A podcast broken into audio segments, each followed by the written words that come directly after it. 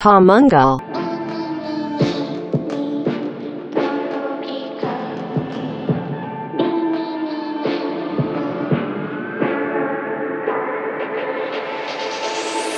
Aphrodite, then discus, discus, discus, Hera, messy colors, na ha ha ha ha ha ha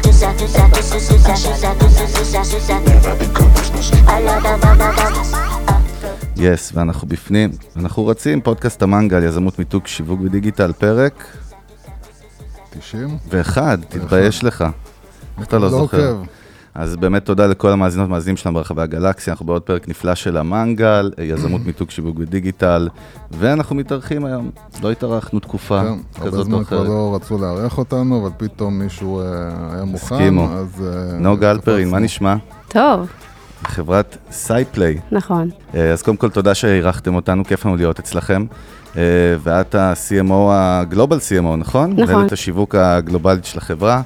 אה, ולפני שאנחנו נצא איתך לפרק וננסה לקבל ממך תובנות באמת, כי את מנהלת שיווק, וזה הזן שאנחנו הכי אוהבים, ובאנו לקבל ערך, וזה מה שבאמת חשוב לנו למאזינים שלנו, על כל העולם הזה. אה, אז באינטרו של דקה על, אה, על החברה, וגם אנחנו רוצים כמובן איזשהו בריף קצר עלייך, מעט מאיפה, את יודעת, a nutshell מה שנקרא. אז זהו, תבחרי מה בא לך על החברה או עלייך קודם. אז אני אתחיל על החברה. יאללה. אמ, אז ככה, היסודות שלנו התחילו לפני אה, יותר מ-20 שנה, באיווה, מידווסט, אה, ארה"ב, בתור חברה שיצרה משחקי סלוטס ל-CD-ROM, ולאט לאט... סידי רום אמרת? כן. זה סידי רום אמיתי? כן, כן, לפני אשכרה. 20 ומשהו שנה. אה, בעצם אה, היו אז הספק הכי גדול, אה, Walmart ועוד חברות ענקיות בארצות הברית, ובאמת שלטו בשוק הזה, ולאט לאט התפתחו עם העולם והפכו לדיגיטלי ומובייל, ובעצם זה הפך להיות אה, אחרי הרבה מאוד גלגולים, מה שאנחנו היום, חברת אה, SciPlay, שזו חברה ציבורית, הנפקנו בנסדק לפני קצת יותר משנה. אה, ואנחנו בשנים האחרונות ב top 3 של ה social casino אה, בעולם. ביחד אה, עם? יחד עם אה, Playtika. Playtika ישראלית גם. ישראלית, כן. אה, ואנחנו בעצם אה, מתמקדים היום בשבעה משחקי social casino, וממש לאחרונה הוספנו גם משחקי casual, אז המטרה שלנו היא לאט לאט להתרחב גם יותר למשחקי ה-casual ולהפוך להיות אה, לחברת הגיימינג הגדולה בעולם. אה, אנחנו יושבים בכמה משרדים בארצות הברית ובמשרד פה בתל אביב, אה, ואחת החברות המלהיבות אה, לעבוד בהן בעיניי. אה, אני כבר חמש שנים פה. אז זהו, אז אה, לפני שאנחנו ניכנס שנייה אלייך, כן מעניין אותי למי ש...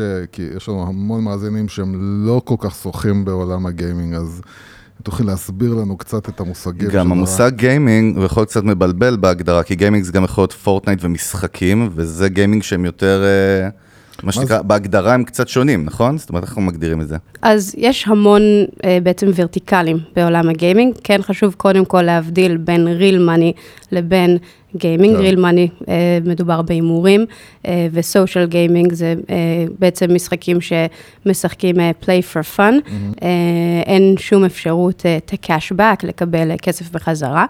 כשכל עולמות הסושיאל גיימינג בעצם מבוססים על אלמנטים מאוד מאוד דומים, כשהתוכן הוא שונה. יכול להיות תוכן של Match 3 Games, שזה אומר לחבר בין הצורות ולהגיע לשלשות, ויכול להיות אה, תוכן שהוא יותר הארדקור של אה, מלחמה ואסטרטגיה, והתוכן שאנחנו בעצם מתעמקים בו זה תוכן שלוקחים אה, את עולם הקזינו ומנגישים אותו לשחקנים בבית בגרסת ה-Play for Free, אה, כשבעצם הכל מבוסס על אותה... אה, על אותן שיטות עבודה אה, ו- ואותו מכניזם שעומד מאחורי זה, אה, ובעצם התוכן הוא, הוא מה שמשתנה, אבל יש המון המון דמיון בין ה verticals השונים בעולם ה gaming. ומה זה אומר ה casual? וה casual בעצם אה, זה עוד vertical שלם שגם הוא כולל המון המון תת-קטגוריות, שזה יכול להיות אה, משחקי קלפים, וזה יכול להיות אה, משחקים כמו Coin Master, שבטח שמעתם גם חברה ישראלית Moon Active, שחזקה מאוד. אז זה עולם שהוא בדרך כלל פונה לקהל יותר צעיר. משחקים שיכולים להיות מבוססים על, יכולים להיות משחקים של הייפר קאז'ואל, שהם יהיו משחקים מאוד אינסטנט כאלה, של לשחק אה, כמה פעמים אה, משחק של להקפיץ כדור ולנסות אה, להגיע איתו להישגים מסוימים, או, או משחקים אה, קצת כמו ה-Match 3 שדיברתי עליהם, כמו Candy Crush, שזה משחק קאז'ואל, שאנשים יכולים לשחק אה, במשך אה, שנים יום-יום. אוקיי, אז עכשיו- אז עכשיו בוא... רגע, היו לי כמה שאלות. לא, אבל, אין אה, שאלות. טוב, אין, רגע, חסמת. קודם כל בוא... אה, רגע, לא דיברנו עוד על אלייך. נגה, נכון. זהו, בוא נחזור לך, בוא תני לנו ככה איך, איך, מהר. איך, נה- איך נהיית מנהלת שיווק? כי אתה יודע, לכל אחד שהוא נהיה, שהוא בא ל marketing, יש לו סיפור, כי זה לא מקצוע, ודאי לא, לפני גם לא 10 ו-15 שנה, אף אחד לא לימד או למד את זה, וגם כן, בצורה לא הכי להיט, מה שנקרא. זה לומדים בשטח את המקצוע הזה וצריך כישרון. אז סתם, מה המסלול שעברת? כאילו, איך הגעת לפה? אני חושבת שבאמת כמו הרבה אנשים אחרים, קצת התגלגלתי לזה. אה, בעצם אה, הייתי אמורה ללמוד אה, מדעי המוח בבר אילן, וזה היה הכיוון שככה חשבתי עליו, ופתאום קיבלתי איזו הצעה להיות חלק מחברת אה, ייעוץ שיווקי, אה, להקים אותה ולהיות חלק ממנה בגיל 21. אה, אז מצאתי את עצמי בגיל באמת מאוד צעיר, פתאום מתחילה לייעץ לחברות איך לשווק ואיך להקים מערכי שיווק, ועבדתי עם כל מיני... זה מעניין אותי, כאילו, מה זה קיבלת הצעה, מאיפה זה, שנקרא מהאוויר? Um, הייתי, עבדתי אז בחברת אה, יואל גבע, ב... הייתי, התחלתי שם בטלמרקטינג, אה, אחרי שעשיתי שם אה, את הפסיכומטרי, ו... ועבדתי מאוד קרוב ל... לכמה מהמנהלים שם, ויחד עם יואל גבע שהשקיע בחברת ייעוץ, ועוד אחד מהסמנכ"לים שם, רועי שורון, הקמנו חברה שאז נקראה MarketWise, והיא יצאה לחברות, בעצם לקחנו את הצורת עבודה אה, שעבדנו בה ביואל גבע, והכנסנו את זה לעוד חברות, ומשם בעצם אה, החלטתי שבמקום ללכת ללמוד אה, מדעי המוח, אני אלך ללמוד באוניברסיטה הפתוחה במקביל למשרה מלאה, אז כבר הלכתי ללמוד אה, ניהול ושיווק בפתוחה, אה, מאוד מאוד מאתגר, אה, ו- ולאט לאט העמקתי את הידע שלי גם האקדמאי, תואר ראשון, תואר שני, ואחר וגם תוך כדי עבודה כמובן, הרבה יותר משמעותי היה החלק של העבודה, בארץ ובחו"ל, עבדתי גם באפריקה כמה שנים, באנגולה, אז התנסיתי גם בשיווק. במכרות גיימינג? משהו כזה. התנסיתי גם בשיווק במדינת אה, עולם שלישי, אה, עולם אחר לגמרי, אה, ואז כשחזרתי לארץ בעצם נכנסתי, היה לי ברור שאני רוצה להיכנס לעולם האונליין.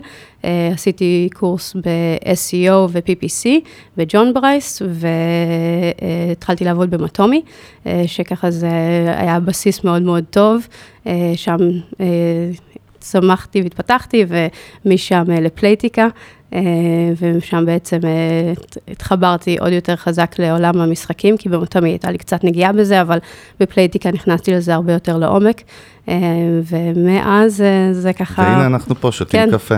רגע, מה, מצאת? מה שמעניין אותי לדעת זה, נראה לי בכל הסיפור שלך שמה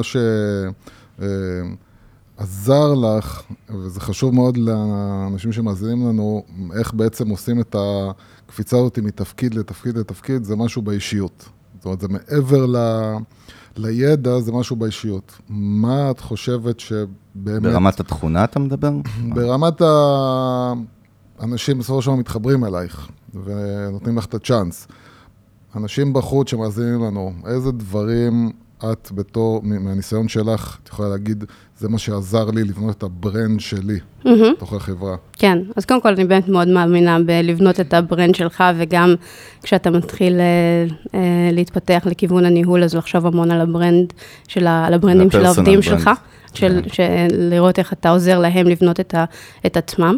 אה, אבל אני חושבת שמה שעזר לי זה שתמיד הייתי מאוד... אה, מאוד יסודית ועבדתי מאוד מאוד קשה. אה, ככה קצת בניגוד למה שמקובל היום אצל מילניאלס, קצת מפחדים הרבה פעמים מעבודה קשה ומחפשים מאוד את ה-work-life balance. הסלינג, אז הסלינג. uh, הייתי מאוד מאוד uh, תמיד ב, במקום של uh, לעבוד הכי קשה ולהיות ממש ה owner של כל דבר שעשיתי. וספציפית בעולם ה online marketing, אני חושבת ששילוב טוב של אנליטיות עם קריאטיביות, זה משהו שבאמת uh, מביא תוצאות טובות. אז אני חושבת שה...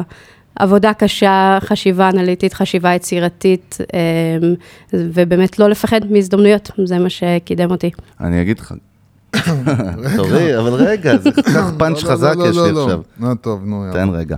אני רק אומר שפשוט העליתי איזושהי נקודה, אנחנו גם בסוף, אנחנו אנשי מיתוג, באים בתחומים אה, חופפים, ויש עוד איזושהי נקודה שאני חושב שיש אותה אצל כולם, חייבים אותה, וזה הקטע של ה updating, להיות מעודכן כל הזמן, כי מה שלמדנו לפני 10 ו-15 שנה ביפר כבר כאילו לא רלוונטי, הוא טוב לניסיון, אבל העולם הזה משתנה כל כך מהר, המערכות, טכנולוגיות, טרנדים, ונראה לי באופן כללי זה משהו שצריך להיות על הדופק כל הזמן, לא? נכון. בייחוד בעולם שלך. נכון, נכון, כל הזמן. והדרך שלי לעשות את זה היא על ידי, אה, כמובן, לקרוא הרבה, אה, גם ספרים, גם בלוגים, אבל גם אה, לקיים נטוורק מאוד חזק בתעשייה. אה, אני גם חלק מה-CMO פורום, אה, שמייצר מפגשים אה, עם תוכן מאוד מעמיק לעולם הזה, וגם קשרים טובים עם עוד CMOs בתעשייה, CMOs גלובליים, וגם באמת הקשרים שאני יצרתי בתעשייה, אני מאוד עסוקה בלשמר אותם, ללמוד אחד מהשני, כן לקיים שיח פתוח, כי הרבה פעמים ב... בתחומים האלה יכולים להיות נורא סגורים ולא ברור. לא רוצים לשתף, לשתף אז אני, מידע, אני כן. כן אה, מאוד מקפידה על הקשרים האלה. אה, אתה רואה, בגלל שאמר עכשיו, הרסת לי את השאלה, הייתה לי. שאלה. מצוין, אז אני- אני אקח את זה. אבל אני, כן. בשביל לתפוס את הזמן שלי כבר הוא ביד שלי, אז אני כן רוצה, אם את יכולה להגדיר כן, אה, בתכלס, ביומיום, מה את עושה?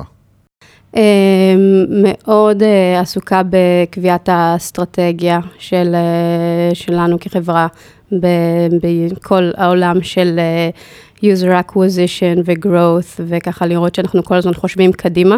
אה, זאת תעשייה נורא נורא דינמית, כמו שהזכרתם קודם, ואי אפשר לעמוד במקום. אז, אה, אז כולנו גם עסוקים בשוטף, אבל גם בהסתכלות קדימה, ואני חושבת שאני באמת משקיעה הרבה זמן ב- בלחשוב איך אפשר לשפר את הקיים, אבל גם אה, אה, לחשוב מה אנחנו עושים הלאה.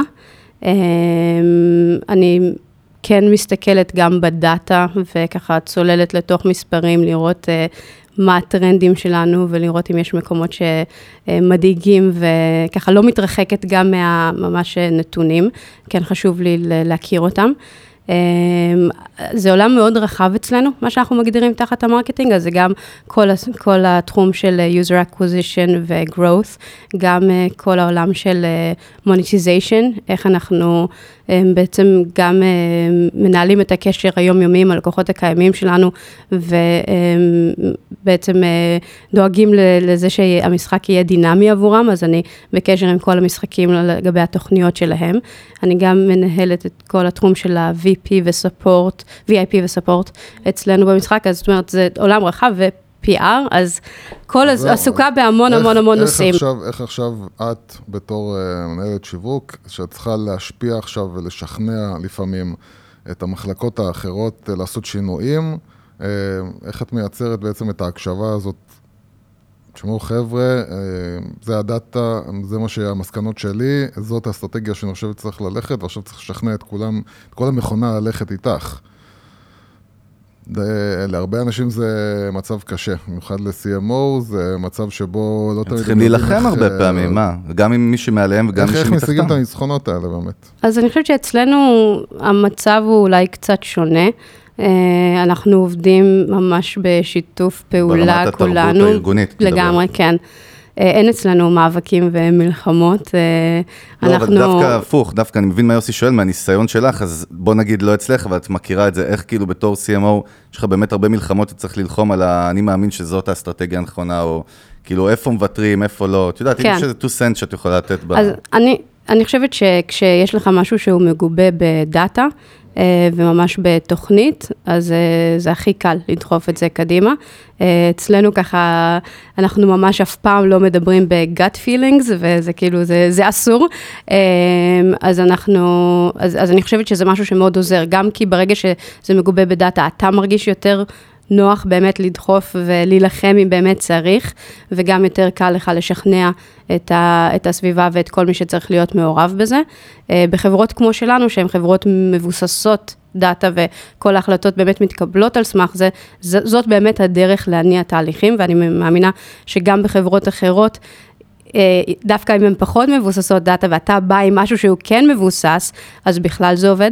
אה, דרך טובה לקדם דברים היא להראות מה מתחרים עושים, במיוחד מתחרים ש-you look up to, אז ככה להגיד, הם עשו את זה וזה מה שזה, אה, זו הייתה התוצאה אצלם, אז שווה גם אצלנו לעבוד בצורה דומה, או, או חקרתי, באמת לעשות איזשהו מחקר רציני ומקיף, ולבוא עם אה, איזושהי תוכנית ו, אה, ו, והסתכלות רחבה, ולא רק אה, איזושהי גחמה.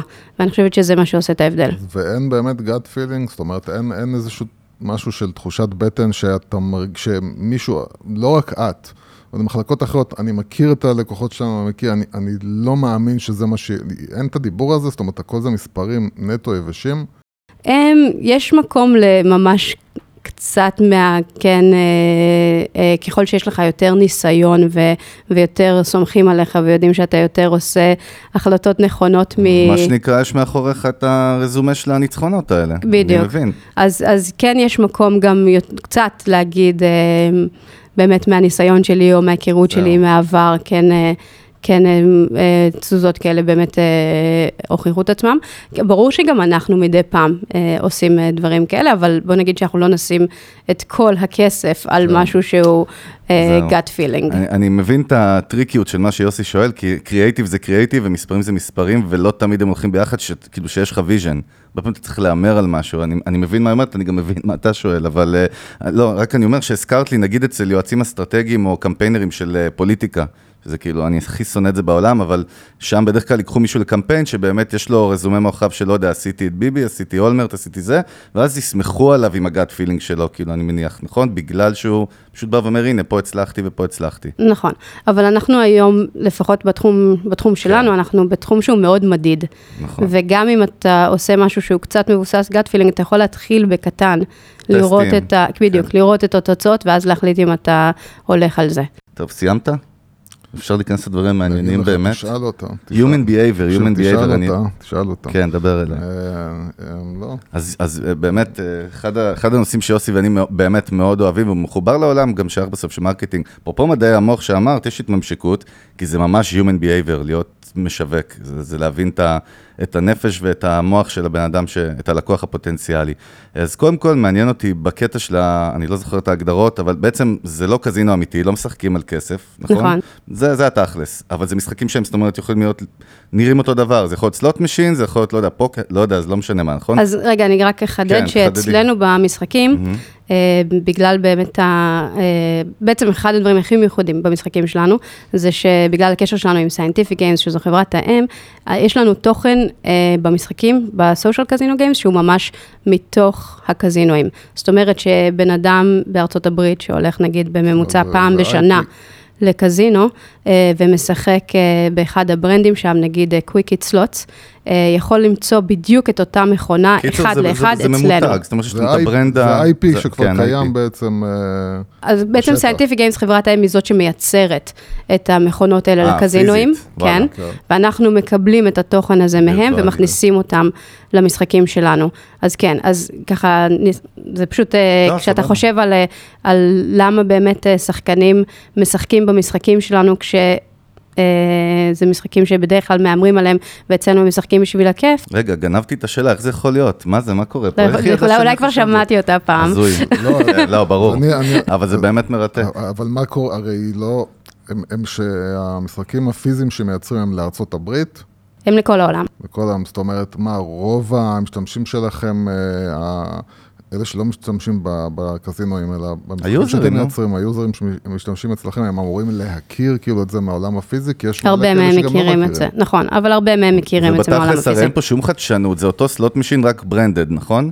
אז כמה זה משפיע על ההחלטה שלהם לשחק דווקא בזה? משפיע מאוד. לשחקנים שכן הולכים לקזינו והם משחקים שם, הם בדרך כלל יש להם את המכונות האהובות עליהם, ואז אם הם יכולים למצוא את המכונות האלה במשחקים שלנו במובייל ולשחק כמה שהם רוצים לא, בחינם, שאלה- וזה שאלה כיף באמת- להם. זאת שאלה באמת אמיתית אה, עמוקה יותר, של אה, למה אה, המשחק שהוא מכיר מהעולם הפיזי, משפיע עליו יותר, נותן לו יותר חשק לשחק, מאשר אם תביאו עכשיו איזשהו IP חדש שהוא כולו digital ולא מגיע ששוב, מה offline. זה בסוף אותו slot אבל- machine. כאילו, אבל זה לא אותו slot machine. למה? אנחנו הישראלים, שפחות אה, חיים את העולם של ה slot machines, לנו הכל נראה אותו דבר. יש נכון. קווי זכייה, אנחנו בדרך כלל גם לא מבינים אותם, ומתישהו זה נראה כאילו אנחנו זוכים ואנחנו לא יודעים למה. כן. האנשים שכן הולכים ומשחקים, אה, בסלוט משינס, הם, יש להם, בעצם הם ממש אה, מבינים את הסוגים השונים של המכונות, ויש את המכונות שהם יותר אוהבים, כי הם מאוד נהנים מ- מהבונוס ראונד, או הם מאוד נהנים מה, אפילו מהמוזיקה לפעמים, או שהם מאוד נהנים מ, אה, מסוגי הזכייה שאפשר להגיע אליהם באותה מכונה, והם יודעים את זה, והם מכירים את זה, והם ממש יודעים להגיד לך מה קורה בכל... בכל אה, צירוף של סימבולס שלנו באמת, כאילו אנחנו נצטרך להשקיע המון המון זמן בשביל בכלל להבין את מה שהם חווים. אה, זהו, שוט, אחד, תן, שתיים, יאללה, תרביץ, תרביץ. אה, אז אה, למה אני כאילו קורא לזה שאלה עמוקה בעיניים שלי? כי אה, השאלה האם מדובר פה בעצם על רצון שלהם, יש פה שתי, שני דברים, או שזה מה שנקרא מקצוענים, כמו בפוקר, שמקצוענים בתחום, ואז הם משחקים את זה כמקצוענים, הם מכירים את המשחק. פה נראה לי שזה לא העניין כל כך, כמו ש... יש איזושהי חוויה שהם עברו באופליין שתקועה להם בתת מודע והם נורא רוצים לחוות אותה עוד פעם והם כרגע לא יכולים לחוות אותה באופליין. זה כאילו כמו ללכת עכשיו לדיסנילנד שנהניתי בתור ילד ואז יש לי איזושהי אופציה להיזכר בזה בצורה טכנולוגית. אז בעצם יש פה נראה לי משחק על התת מודע של הבן אדם, בוא תחווה את החוויה ש... לא הלכת עמוק מדי? כאילו. זה עד כדי כך אתה חושב עמוק? אני שואל. נראה לי, נראה זה לי עמוק, שכאילו, אני- סתם עקרונית, נגיד אם הייתי שומע ברקע את הסאונד של האנשים מסביבי ואת הכוסות אה, וויסקי וזה, זה, זה כאילו, זה המשחק פה בעצם. השאלה היא באמת כמה מתוך, יש לכם דרך למדוד באמת מי מהלקוחות הוא, הוא, הוא מכיר את ה brand האמיתי? יש דרך לה- להבין את זה על הלקוח? אנחנו יכולים לבדוק את זה ב surveys שאנחנו עושים. ומה הנתונים? זאת אומרת, כמה מה users בעצם של החברה הם באמת כאלה שחוו את זה ב offline, מכירים את המותגים? אז אה, אנחנו לא יכולים לדבר ממש על הנתונים האלה, כן. אבל אנחנו כן אה, יודעים שבארצות הברית ה- האמריקאי הממוצע הולך לבקר בקזינו. אה, והוא זה הולך חלק מה- לבקר, זה חלק מה... מהחיים, כן, כן. זה ממש חלק מהתרבות שלהם. עכשיו יש אה, מרכזים בכל מלא, מקום. כמעט בכל מקום אנחנו תמיד בארצות נראינו הברית. כאילו ניו ג'רזי וזה, אבל יש באמת ב... כן, כמעט בכל מקום כן. בארצות הברית במרחק של שעה, שעה וחצי נסיעה, אתה יכול להגיע לקזינו. אמ, והם כן, אה, הם כן באמת מתחברים למותגים הספציפיים שהם משחקים, והם כן מחפשים אותם, אבל אחרי הרבה זמן שהם משחקים את המשחקים שלנו, אז כבר בעצם נוצרת להם איזושהי חוויה חדשה, שהם לא תמיד משייכים אותה דווקא לפעם ההיא ב, אה, בקזינו שתיארת, אלא באמת כבר נהנים מהמשחק עצמו. יש עוד הרבה אלמנטים אצלנו שגם עוטפים את, ה, את המשחקים של הסלוטס, אם זה daily challenges, או אם זה כל מיני פרומושנס של, אה, שיובילו אותם בעצם לחוות את החוויה, זאת אומרת, האמצעי יהיה המשחק סלוטס, אבל זה בעצם ייקח אותם דרך איזשהו מסע אה, בין פיצ'רים של המשחק, ש, ש, שבעצם נותן את המעטפת למשחק, וזה נותן להם כבר איזשהו ערך מוסף שהם נהנים מזה. זה בעצם ה-time off שלהם ביום, זה הזמן שלהם קצת, בדרך כלל זה אומרת, אנשים זה שהם... הטריט- זה הטריט שלהם, לא כלהרוויח כסף, זאת אומרת, כי אין פה, אז בעצם זה מה שמחזיק אותם? כי מה הם רגילים שמחזיק- לחוויה הזאת? כן, מה שהם הם מאוד נהנים מה, מהזמן שזה בעצם מאפשר להם, זה כמו לזפזפ בטלוויזיה. את הראש. זה נותן להם את הזמן לנקות את הראש, זה נותן להם את הדאון טיים שלהם, של אה, אחרי יום עבודה, לפני יום עבודה, פשוט את החצי שעה, כמה שזמן שזה לא יהיה, אה, להירגע ובעצם להיכנס לאיזשהו עולם דמיוני אה, ו- וצבעוני ונורא נורא שמח, ולחוות אותו יחד איתנו. ויש לכם בעצם, הקהל שלכם שאתם פונים אליו זה קהל שהוא מתעניין מראש, או שזה הטריפ שלו, המשחקים, או שאתם גם uh, מכוונים בכלל לקהל שהוא לא מגיע משם, זה לא, הם לא שחקנים, ש, הם לא אנשים שהולכים לקזינואים, אלא סתם עכשיו לתפוס בן אדם שלא כל כך מתעניין ולהגיד לו, בוא תראה, יש פה עוד אפשרות uh, לאנטרטיימנט. אז אנחנו בדרך כלל נכוון לקהל שמשחק משחקים, לא בהכרח ממש משחקי קזינו, אה, כן נגיד אה, גם אנשים שמשחקים אה, משחק כמו קנדי קראש, Mm. בהרבה מקרים מאוד ייהנו.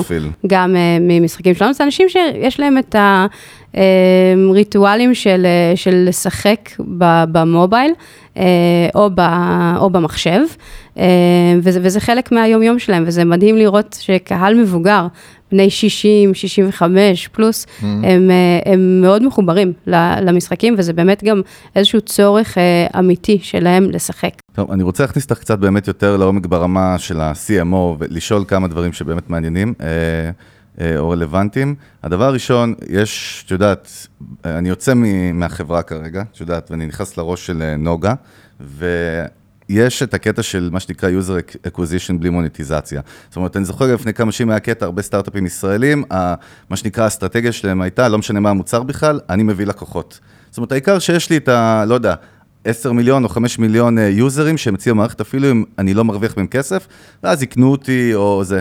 ואנחנו רואים שהדבר הזה לאט לאט כאילו כבר לא מספיק, לא מחזיק מים בפני עצמו. אז קודם כל, מה קורה בעולם הזה באמת של היום, ומה את חושבת על זה, אם מישהו מקים חברה כזאת, או יש לו רעיון להביא traffic רק בשביל למכור traffic, זה עדיין רלוונטי? או מה השתמש בתור שם? חברת משחקים? לא, אני יוצא מ rush? אנחנו מדברים על business בכלל, או על סטארט-אפים, זה לא משנה מה, זאת אומרת, כ... כ... כן, אני חושבת שזה באמת תלוי במ- במודל. יש מודלים מסוימים שבהם זה כן הגיוני. אה, ש... כמו מה? כמו למשל אה, אפליקציית messaging כמו וואטסאפ. אה, אז כן, כן יהיה היגיון פשוט להביא אה, משתמשים שישתמשו באפליקציה, ובהמשך כנראה שתוכל לעשות עם זה משהו.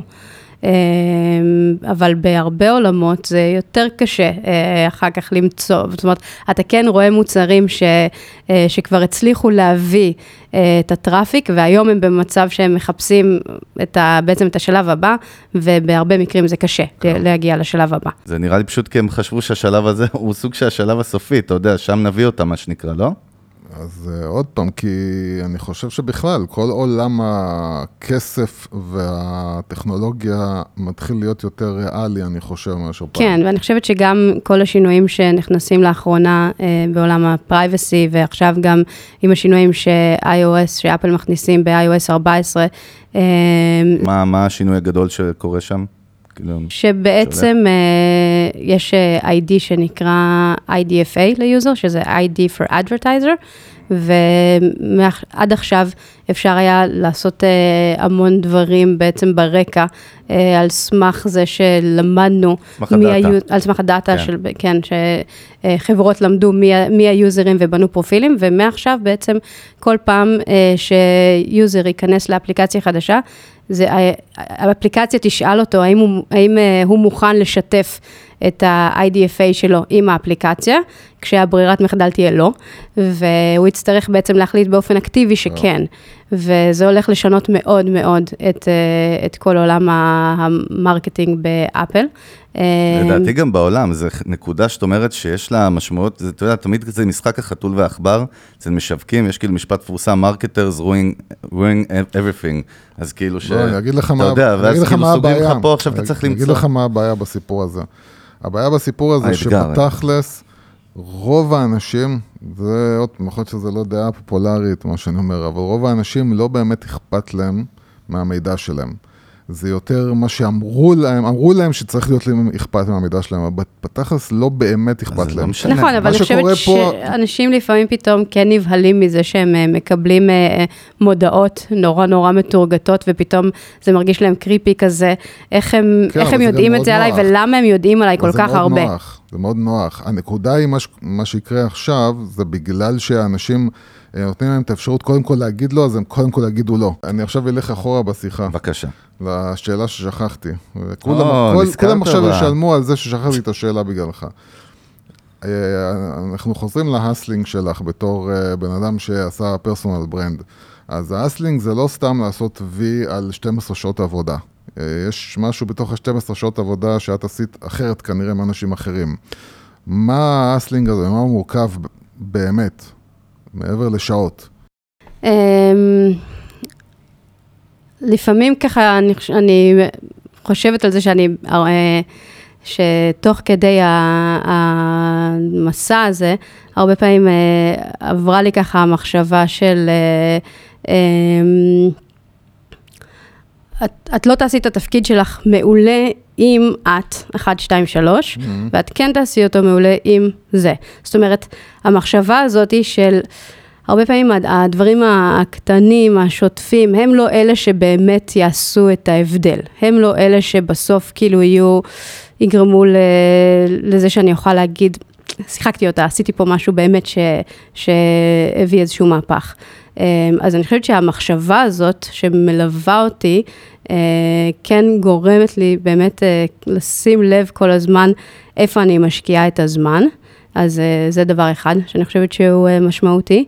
אה, של באמת כל הזמן לחשוב האם אתה משקיע את הזמן שלך בדבר הנכון, להיות מאוד פרואקטיבי בעניין הזה. אני חושבת שהרבה אנשים, בעיקר כשעובדים בתפקיד שהוא מאוד אה, דורשני ומעמיס, ויש לך כל כך הרבה משימות שוטפות שאתה צריך לעשות, אז אתה יכול בקלות לטבוע במשימות האלה, ואז לא, ולא להרים את הראש ולחשוב, רגע, מה באמת יעשה את ההבדל?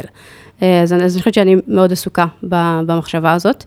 אה, ובסופו של דבר זה מכלול של המון דברים, זה, זה לדעת לגייס את האנשים הנכונים סביבך, ובאמת אה, לקדם אותם ולפתח אותם, ולדאוג לזה ש, שהם יישארו איתך, אבל הם, הם יתפתחו ויתקדמו בדיוק כמו, כמו שאתה אה, רוצה בלי להתקדם. אגו, בקיצור. זה- זה הרבה להוריד את האגו בפעמים. אה, כן, כאילו, בתכלס, לא לא כן, אישית. אני חושבת ש... זאת כן, אומרת שאת, זה, זה מעניין, כי לצערנו לא הרבה אנשים חושבים ככה. אה, אה, בעצם את מבחינתך, את רואה את התפקיד שלך, חלק מהתפקיד זה גם לקחת מסביבך את האנשים ולעזור להם לגדול. לבנות אותם. מאוד, כן. ככה גם אם דיברנו באמת קודם על branding, אז כן, משהו ש... שהזכרתי ואני חושבת שהוא מאוד חשוב, זה לא רק לחשוב על ה branding שלך, אלא לחשוב על איזה brand ים אתה בונה לעובדים שלך, mm-hmm. יחד, יחד איתם, אבל גם, גם איך אתה מציג אותם כלפי מעלה, גם איך אתה מציג אותם כלפי, זאת אומרת, החוצה, פנימה, לא משנה איפה, אבל אתה בסופו של דבר גם בתור מנהל אחראי על ה brand ים שלהם. וזה משהו שאני אני חושבת עליו הרבה, ואני שמחה להגיד שאנשים שאני עובדת איתם, אז אני עובדת איתם כבר uh, הרבה מאוד שנים, וחלקם גם ככה הלכו איתי מחברה אחת לחברה אחרת, יואל גבע פה? בכבודו ובעצמו. אה, בטלמרקטינג, אגב, בתור עונש. אה, אבל איך, את באמת בורחת מהפחד הזה של, רגע, אם אני אגדיל את הבן אדם הזה, אז זה הפחד שתמיד של אה, אנשים שאני חושב שאני, אני קורא להם אנשים קטנים, שתמיד כאילו, רגע, אם אני אעזור לו, הוא יעזוב, כאילו, אז איפשהו אני מפסיד אותו. אה, אני יכול להגדיל את השאלה שלך, להרים עליה, כי בנית לי לאיזשהו build-up יפה. אני אוסיף עליך ותעני לנו ביחד, כאילו על שני השאלות. בעצם דיברת קודם, זה הזכיר לי על זה שבאמת אנשים לא אוהבים בעולם של נגיד המרקטינג או הפרסום לשתף מידע. יש את הקטע הזה, וזה קטע דרך אגב הוא די ישראלי, הוא לא בכל מקום ככה, משהו במנטליות שלנו פה. ולדוגמה, המנגל נגיד, אנחנו כאילו כבר 91 פרקים, ותמיד אומרים לנו, איך אתם... אנחנו הרבה פעמים רואים אנשים שמוכרים קורסים, באמת, אשכרה קורסים שעולים המון כסף, שנותנים 10% מהמידע שיש פה בחינם. וזאת אומרת, אנחנו דוגלים בשטרות שלא יש לפחד. קטע יותר חזק, יש קטע שכבר אנחנו שומעים מאנשים שהם היו בקורסים, אה, שבנו. שתחילת הקורס הבן אדם אומר, הקורס הזה מבוסס על המנגל. או המצגת הזאת מבוססת, כן. אבל, ובאמת, בוא נגיד ככה, בוא נשאל הפוך, למה לא צריך לפחד מלשתף מידע במקצועיות שלך? זה מתחבר גם לשאלה של יוסי בלבנות מישהו שלמה אולי הוא, הוא יאיים עליי, או כאילו, איך שוברים את הפחד ולמה מקצועית זה לא רלוונטי? אז אני חושבת שזה שני דברים שונים. אחד זה ההסתכלות פנימה בתוך הארגון ואיך אתה בונה את המנהלים והעובדים שאתה עובד איתם, והשני זה שיתוף מידע עם אנשים מחוץ לארגון. Um, מחוץ לארגון, אני חושבת שאתה כן צריך לשתף מידע בחוכמה. זאת אומרת, גם, גם אני, כשאני כן מאמינה בלשתף מידע, אני לא פותחת את כל הקלפים, ו, ובמיוחד היום כחברה ציבורית, כן. uh, יש הגבלה למה אני יכולה משחק אחר, לשתף. זה ברור. Uh, אז אני כן מאוד רגישה לזה, וגם uh, אם אנשים אחרים אצלנו בחברה הולכים לכנסים או למפגשים כאלה, אז אנחנו כן ננחה אותם מה כן נכון להגיד ומה לא. אז כן צריכים איזושהי רגישות בעניין הזה, Mm-hmm. אבל, אבל יש את ה- את ה-level שבו אתה יכול להרגיש נוח איתו, שבו אתה כן משתף, ואנשים כן מרגישים שהם מקבלים value בשיחה איתך, Mm. והם גם משתפים אותך בחזרה.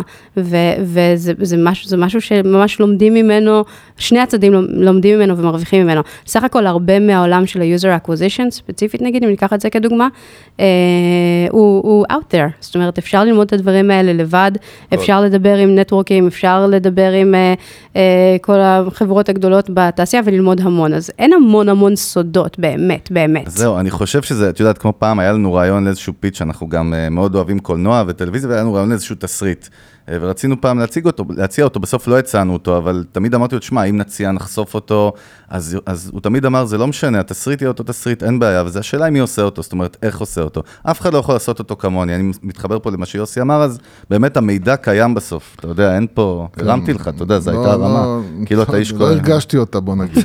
אה, אבל כן, כן מעניין אותי, יודע, מה שנקרא שאלת אה, מיליון הדור- הדולר, או השאלה שאפשר להתחמק ממנה. מה, איך אתם מרגישים את החודשיים, שלושה האחרונים? זאת אומרת... אה, חמישה חודשים אחרונים. כן, כן. כבר כ- כמה חודשים כבר, כן, אנחנו כל הזמן נראה לנו כאילו זה רק זה, אבל זה כבר זמן. מה אתם מרגישים אה, בכלל, גם במובן יותר גדול של הדברים? אז אה, מצד אחד, היוזרים שלנו, אה, שהם אה, בדרך כלל גם אה, הקהל המבוגר יותר, אה, נמצא בבית. ונמצא בבית עם הרבה זמן ומחפש את האינטרטיימנט, ותמיד דיברנו על זה שאנחנו גם מתחרים בקולנוע ובהצגות ובעוד, כן. אה, כן, עוד עוד, אה, בעצם אה, אירועים אחרים, והיום בעצם, קצת. כן, התחרות ירדה, כן. ובאמת ספציפית עוד יותר בשביל הקהל שלנו, הקהל המבוגר, וספציפית גם ארצות הברית למשל, שזה שוק גדול בשבילנו. זה מעניין, כאילו ולכן- באמת, כי, כי, כי גם נטפליקס בעצם מתייבשת, הבתי קולנוע סגורים. אין תו- לא מייצרים אין תוכן. אין זה, זה כביכול אתם עכשיו... כביכול is זהב. great. כן, כן, אז, אז באמת זה זמן אה, מאוד חזק לתעשיית המשחקים. אה, ומרגישים את זה, זה גם אינטרטיימנט זול, אה, או שהוא חינם או שהוא מאוד זול, אה, אז בכלל הוא קלאסי לתקופה כזאת. אה, ומצד שני, אה, אצלנו בחברה, בכל המשרדים, גם בארץ וגם בארצות הברית, אה, כולנו ממש 100% עובדים מהבית. אה, אז כמו ש- 100%. כן, אה, יש בודדים שמגיעים אה, למשרדים. אוקיי, ואיך אה, זה עובד באמת? זה תמיד נשמע כאילו מאוד מגניב מבחוץ, אבל כמה זה מאתגר נגיד, לנהל חברה שלמה מהבית? זה מאתגר מאוד, ב- זאת אומרת, בהתחלה זה באמת אה, מאוד מגניב וכיף, ואנשים שמחים אה, פתאום לעשות איזשהו שינוי נורא גדול ב- בשגרה שלהם, וסוף סוף להיות בבית, עובדים... אה, עובדים קשה בחברות האלה, ופתאום אה, לחזור כן. הביתה ולהיות כל היום בבית, ואם יש ילדים אז לראות אותם זה, זה שינוי גדול. אה, אבל, אה, ו- וזה עובד. זאת אומרת, מההתחלה, ממש מ-day one, ראינו שזה עובד, וכולם היו מאוד מאוד מיינדד ללגרום לזה לעבוד, במיוחד גם באמת כשראינו תוך כדי איפה המשחקים שלנו נמצאים ואיך התקופה הזאת משפיעה עליהם, זה, זה נורא נורא מדרבן mm-hmm. אה, לעבוד עוד יותר קשה ובעצם אה, לספק לקהל הזה את ה entertainment בבית אה, כן. בצורה הכי טובה והכי מרגשת שאפשר. אז אני חושבת שזה הכניס לנו המון המון המון drive. אה, וכל הצוותים באמת עושים מאמץ עילאי. אה, של over communication והמון המון שיח- שיחות וידאו. אה, מדי פעם, כן, יש אה, פגישות פרונטליות קטנות, אה, גם, גם אם זה לא במשרד, מחוץ למשרד, כדי כן לשמר את, ה, את הקשר הזה. אנחנו, אחד הדברים שהכי חזקים אצלנו בארגון זה, זה הקלצ'ר שלנו, ה-DNA שלנו בתור חברה. שקשה קצת לשמר את זה בצורה וזה- וירטואלית, זה you know. קשה, וזה ככה, המזל שלנו זה שזה נבנה עם השנים, זה- ויש קשרים נורא נורא חזקים. אז זהו, כולם, כולם כאילו נורא נורא מדברים על התרבות הארגונית, וכל אחד אומר את המשפט הזה. תכלס, מה, מה את חושבת ש... כי הרי בסופו של דבר, מה, ש... מה שגרמה הקורונה זה לחשוף הרבה דברים. זאת אומרת, מי שהיה מעפן, הוא... זה פשוט חשף את המעפנות שלו. ומי שהיה טוב, זה חשף את האיכות שלו. מה בעצם המהלכים שאתם עשיתם שהכינו אתכם להגיע למצב שבו פתאום כל האנשים איתכם וכל העובדים ביחד וכולם כאילו כן בואו ננצח מעבר לזה שמן הסתם נוצרה פתאום שליחות כי פתאום הם אה, מרגישים שהמשחקים שלכם הרבה יותר חשובים לאנשים אז יש שליחות וזה עוזר. אבל בסופו של דבר מה גורם לתרבות הזאת? בואו בוא נצא רגע מהמושג תרבות סתם כמשהו מעורפל תרבות ארגונית ונבין. לתכלס, מה זה התרבות הזאת שלכם שאת חושבת שהיא תרמה לכם? מה, השאלה שלך היא מה עשינו מאז שעזבנו את המשרד שתרם, או מה עשינו אז? מה בניתם כן. ב-DNA של התרבות הארגונית, או בבידול שלו, או מה כן. האסטרטגיה? אבל באמת לא בסיסמאות, מה כן. שנקרא. אז אני חושבת שמה שעשינו בתקופה שלפני כן, תמיד בעצם כחברה, אה, קודם כל זה אה, יצירת קשרים ממש ממש חזקים. אנחנו... הרבה יותר מרק עובדים ביחד, אנחנו מבלים המון ביחד, אה, ובאמת אה, נוצרו פה קשרים ממש ממש חזקים, אה, וזה לא רק בארץ, אלא זה, זה בעצם ברמה הגלובלית של החברה, mm-hmm. ואנשים באמת מחוברים לחברה. הארגון הוא מאוד לא היררכי, ובאמת כל אחד מרגיש גם שיש לו say וגם שיש לו השפעה, ושהוא חשוב במערכת הזאת, והעבודה שלו acknowledged mm-hmm. ומוערכת, ורואים אותה, ובאמת מעריכים את זה. אה, אז זה משהו ש, שהורגש מאוד במשרד, ואנחנו ממש מנסים גם להמשיך את זה, גם בעבודה טוב. מהבית, אבל אני חושבת שעצם זה שאנשים באמת מרגישים את זה, ומרגישים את החיבור החזק אה, לחברה, לשכבת ההנהלה, אה, לאנשי הצוות שעובדים איתם, באמת לכל אחד מה, מהגורמים בחברה, זה משהו שבאמת הולך איתנו גם בעבודה מהבית. אני, מעניין אותי באמת דווקא דעת, אני, דרך אגב, אני סובר שיש יותר מדי אייפ על עבודה מהבית באופן כללי. אני מאמין, דווקא תרבות ארגונית, בסוף זה אנשים בפיזי, במשרד, נכון. לא עם נכון. הילדים והכלב, נכון. צריך להוציא 6,000 פעם ביום, ותקנה לי זה ותקנה לי זה, אה, כאילו זה מאתגר, זה, זה לא רק nice, וכמו שאמרנו. אה, קודם כל, דעתך האישית, עד כמה את חושבת שהדבר הזה הוא באז חולף, אפילו עם באז של שנה, ואנחנו רואים דווקא בהייטק יותר את המגמה שכולם פתאום בבית, וגוגל אמרה 21 ואינטל וכולם, אבל עד כמה נראה לך שזה יכול להיות sustainable? מה, זה המציאות החדשה שאנחנו הולכים אליה? זאת אומרת, זה נשאר ככה? אנחנו מאוד מקווים שלא. שלא. אנחנו כן מקווים שאנחנו נוכל אה, לחזור למשרד במתכונת מלאה. בוא נשאל הפוך, מה מפסידים? כי לכאורה סבבה, אז ה overhead יורד, אפשר לסגור כאילו משרדים. שוב, לא אתם, אנחנו מדברים מגמות. כן. אבל מה מפסידים? מה הדבר שהכי הרבה מפסידים בעצם? אז אנחנו מרגישים שנגיד אה, לעשות onboarding לעובד חדש, הרבה יותר קשה עכשיו. למי שיודע, onboarding, מה זה? מה זה אומר? להכשיר אומרת, עובד חדש, לקבל... להכניס אותו לחברה? כן, לעשות את כל התהליך של ההכשרה של עובד חדש. זה, זה הרבה, הרבה יותר קשה עכשיו. Mm. מה גם שאפשר להעביר לו את הידע המקצועי, שזה גם יותר מאתגר מהבית, אבל באמת, מי אנחנו, מה ה-DNA שלנו בתור חברה. את הנפש, הנשמה, כן. זה מאוד מאוד קשה עכשיו. אה, אז בעצם... המצב שאנחנו נמצאים בו כרגע הוא עדיין שרוב העובדים בחברה הם, הם עובדים ש, אה, שאיתנו הרבה לפני תקופת הקורונה, ואנחנו בצמיחה מטורפת וגייסנו המון אנשים. בתקופה הזאת גייסנו מעל 40 איש שהתחילו לעבוד איתנו. Mm. אז בעצם אנחנו לאט לאט מכניסים יותר ויותר אנשים לארגון שלא מכירים מה היה פה לפני. ועכשיו לאנשים האלה, לייצר את מה, ש, מה שבשבילנו נראה הרגיל, זה, זה הרבה יותר קשה. Mm-hmm. אז אנחנו מנסים לעשות את זה, כמו שאמרתי, אנחנו כן מעודדים יותר אה, מפגשים מצומצמים, אה, גם אם הם מחוץ למשרד, האמת שמעדיפים כמה שיותר באוויר הפתוח, כן. אבל, אבל זה, זה, זה עדיין, זה, זה לא מספיק, זה, זה קשה לעשות את זה במפגש אחד פעם בשבועיים, שלושה. ולכן אני כן מקווה שאנחנו נחזור לשגרה הנורמלית שלנו אה, בחודשים, ה... לא, לא הייתי אומרת בחודשים הקרובים, אבל, אבל כן, אני חושבת ששנה הבאה זה לגמרי משהו שיוכל לקרות. אז אם דיברנו על עובדים באמת, אז איך את, אה, כשאת צריכה עכשיו להכניס אה, עובדים חדשים, נדבר על תחום השיווק, שזה התחום שלך, מה את חושבת הופך...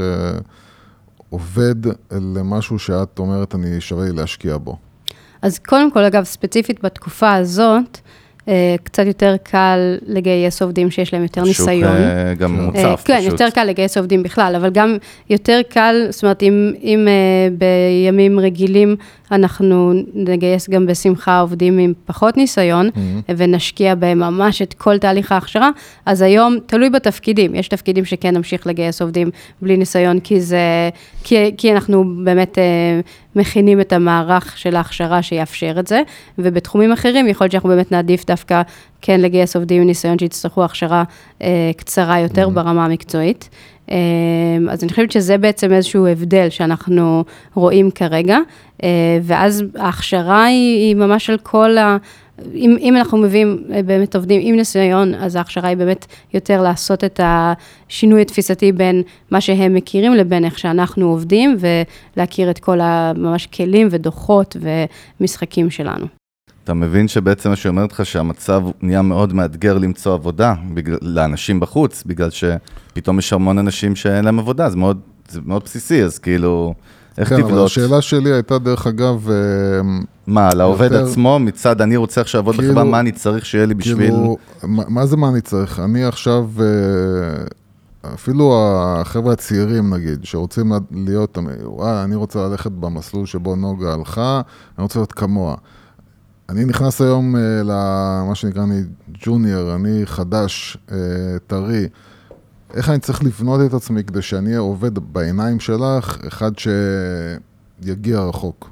מה צריך להיות לי, מעבר לאסלינג? אמ, אני חושבת שדווקא היום אה, לא כל כך קשה להתבלט בתור עובד מאוד כן. טוב. אמ, אני חושבת שאם אתה נכנס לתפקיד ופתאום אה, מגדיל ראש ועושה באמת מעבר למה שציפו ממך, כאילו? זה כזה, זה כבר כזה, רמזל. זה המצב? אמ, ו- קיצר, אתה לא תתקבל, אני כן, זה מה שאומרת. אתה בולט אה, מה זה לא מהסיבות? הנכונות. אז זה תלוי באמת בתפקיד ותלוי ב...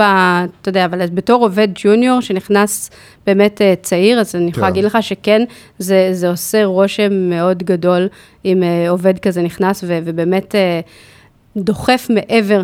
קיצר ו- מגדיל ראש, מה שאנחנו כן, קוראים בישראל. כן, כן, בדיוק. מגדיל ראש, אה, לוקח ownership מלא על מה ש... על, מה ש... על המשימות שהוא מקבל. זה, זה באמת, זה, זה מצחיק, אבל זה כבר לא כזה טריוויאלי. ומה את אומרת על כישלונות? זאת אומרת, על אה, אנשים שנכשלים או עובדים שנכשלים, שזה אחד הדברים הכי מפחידים את העובד. איך אתם מתמודדים כישלון של עובד? פדיחות? זה קורה כל הזמן. Mm-hmm. האמת שבתעשייה שלנו יש אה, כל כך הרבה פרטים קטנים ש... וקונפיגורציות וכל כך הרבה עבודה מאחורי הקלעים שקורית, אה, שבאמת קשה לדמיין את זה כשלא מכירים את עולם המשחקים, אבל אה, כמות הניואנסים והפרטים הקטנטנים שיש. בניהול משחק היא...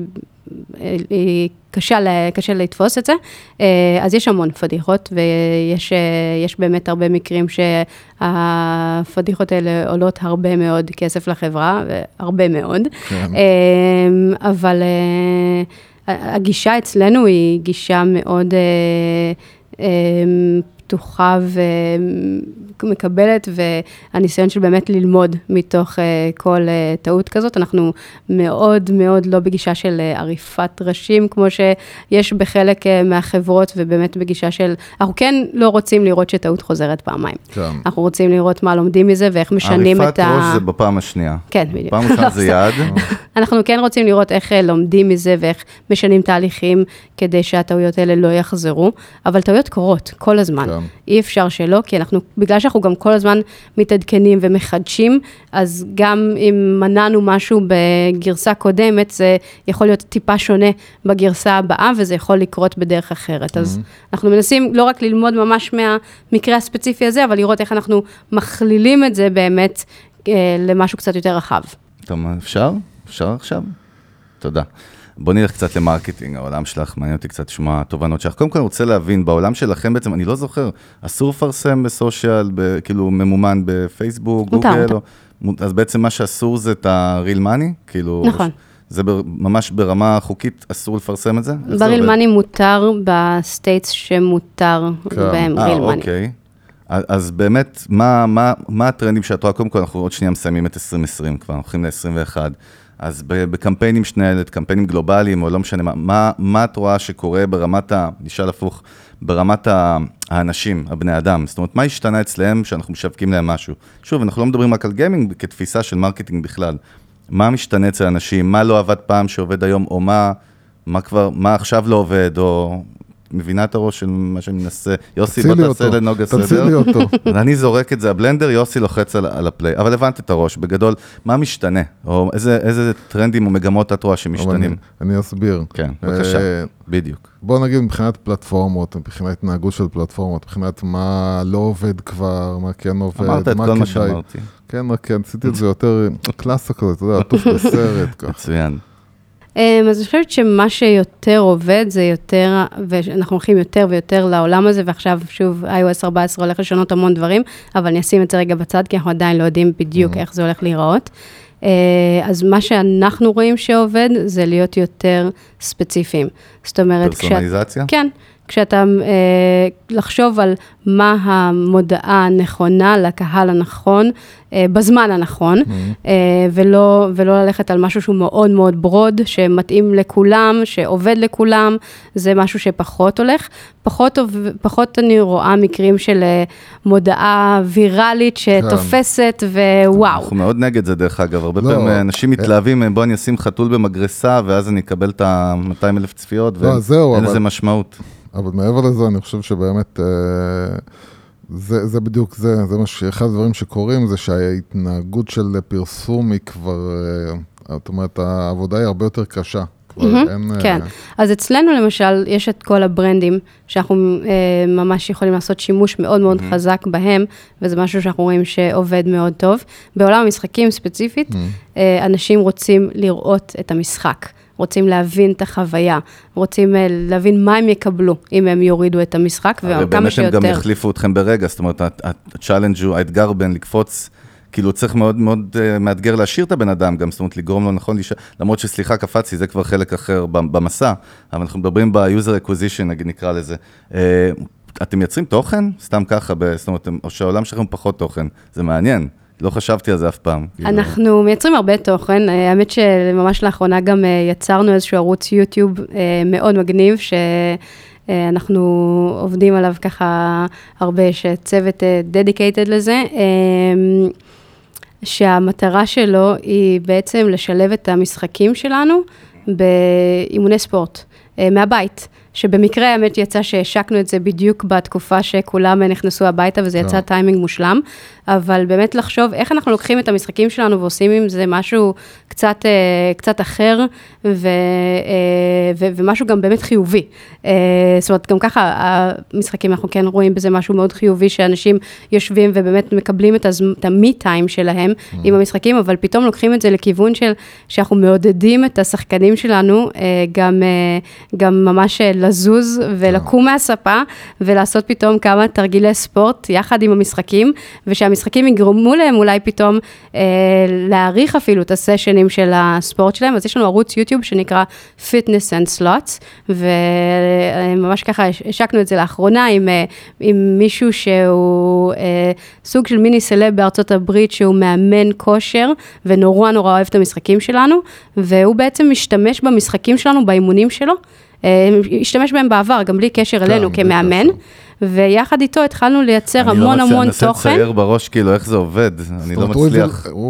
הוא הביא את הרעיון, או שהרעיון היה והוא פשוט אה, התלבש לכם טוב עם הרעיון שהיה כבר? הוא, הוא פנה אלינו, אוקיי. אה, ולא כל כך ידענו בהתחלה איזה מין שיתוף פעולה נוכל לעשות זהו. איתו, ואז התחלנו לחשוב באמת על הערוץ הזה, שאפשר יהיה לתת תוכן שונה ל- לשחקנים שלנו, וגם לפתוח את זה לקהל נוסף. אה, וזה נורא נורא מגניב, שבאמת אנחנו מאפשרים לה, גם לשחקנים שלנו אה, וגם לאנשים אה, אה, מבחוץ, לעשות משהו חיובי לעצמם. אתם, אתם מסתכלים בעצם, מתחילים להשתמש בתוכן כ, כאסטרטגיה ב-marketing? זאת אומרת, אתם נותנים כן. לזה דגש? כן. שזה עדיין משהו מאוד צדדי כזה בעשייה. לא, אנחנו, אנחנו עושים, אנחנו לגמרי נותנים אה, דגש על התוכן. אנחנו עובדים עם כמה אינפלואנסרס גדולים, אה, ואנחנו מייצרים באמת את התוכן הזה שאנחנו מנסים שהוא יהיה גם מעבר. אה, שהוא ייתן אה, משהו, איזושהי הסתכלות מעבר רק להסתכלות שלה על המשחקים עצמם. מה, מה הלקוחות לא אוהבים? זאת אומרת, מה חשוב לדעת על יוזרים? כאילו, זהו, אז אני באמת אני מנסה באמת... להתחבר ל- ל- לשאול, כאילו, אה, מה ניסיתם ולא הלך? בפרסום, בשיווק, מה, מה כאילו גיליתם, זה לא עובד. אמ, אז קודם כל אני אענה ל- לשאלה שלך, מה לקוחות לא אוהבים, הם, אה, הם לא אוהבים אה, להפסיד במשחקים שלנו, אז זו חוויה שיכולה להיות ממש אה, מתסכלת ולהוציא מהם אמוציות, זאת אומרת, ממש כעס. כן. אז זה תמיד מעניין לראות עד כמה הם מחוברים כל כך חזק ברמה הרגשית, שזה באמת יכול ממש להכעיס אותם. אמ, אבל ניסינו בעבר, האמת שהרבה פעמים כשניסינו לעשות אה, פרסומות שהן אה, מודעות, שהן אה, לא המודעות הרגילות של הגיימפליי, כשניסינו לבוא עם זה ממש כאילו מכיוון לקופסה? אחר, אה, הרבה פעמים זה היה קשה ל-. לנצח את הגיימפליי. זאת אומרת, לא את המשהו שאני מכיר ומחובר אליו, אלא לנסות לתקוף את זה מכיוון מה, יותר כאילו... להתחכם, כאילו? כן, כן. אוקיי, מעניין. אז, וזאת אומרת, בעצם אנחנו, שוב, אני מנסה להוציא אותך מהעולם של, שלך, כאילו הנקודתי בחברה ובתעשייה שלך, להסתכל יותר over the top, זאת אומרת, משהו שבאמת הוא תובנה ב-human behavior. אז בגלל זה אני שואל באמת, מה הלקוחות, כאילו, מה חשוב לדעת שעושים marketing אה, באופן כללי? מה, מה, מה, מה לא ומה כן? זו הייתה נקודה דרך אגב חשובה, מה שאמרת, שלקוחות לא אוהבים, אבל השאלה אם זה תמיד... אה, אם זה תמיד רלוונטי, אתה יודע, זהו, השאלה הלא אם נגיד- האנטי-התחכמות הזאת. אז אני אומר, השאלה היא באמת אם... אה, כי זה מעניין, כי אני- דיברנו על זה באחד הפרקים, אה, שנדבר על עצמי. אני בעיקרון לא אוהב התחכמויות בפרסום. אני מאוד אוהב כאילו ללכת straight forward. In the face. להגיד, ו, וזה מעניין אותי באמת, האם, האם אתם אה, רואים שבסופו של דבר אנשים מעדיפים את המסרים הפשוטים ושמכירים, ולא כן. להיות יצירתי מדי. כן, אני חושבת שיש סוג של יצירתיות שהיא כן יכולה לעבוד, אה, אבל היא מאוד מאוד ספציפית. ואם אתה לא מדויק שמה, אז אה, זה לא עובד וזה יכול גם מה לעצבן. זה אומר מדויק? להכיר את הלקוח? זאת אומרת, ברמת ההיכרות עם הראש שלו? כן, ברמת ההיכרות עם הראש שלו, ו- והדיוק הזה צריך להיות אה, שנון במידה הנכונה, לא שנון מדי, כי לא זה יכול להיות. מתוחכם, ואז כן. לא כולם יבינו אותך, אז אתה רוצה to keep it simple, אה, אבל מצד שני, אה, אה, אם זה... רק לא, לא מספיק שנון, זה גם לא הולך, כי אתה מנסה להיות שנון, אבל זה לא שנון. אז אתה צריך להיות מאוד מאוד מדויק, אה, ובאמת מחובר לקהל שלך, להבין מי הם האנשים האלה. אה, אני נגיד מאוד מאוד אוהבת את המותג אה, של אוטלי, את הבריאנד שהם בנו. כן. אה, של התחליף חלב ש- משיבולת שועל, ואני חושבת שהם עשו, אה, הם הלכו על קו סופר סופר היפסטרי, נורא נורא מגניב, מתוחכם, שנון, אבל הקהל שלהם הוא גם כזה ומאפשר את זה. אוקיי. ואני חושבת שהם, שהם באמת עשו איזשהו חיבור מדהים.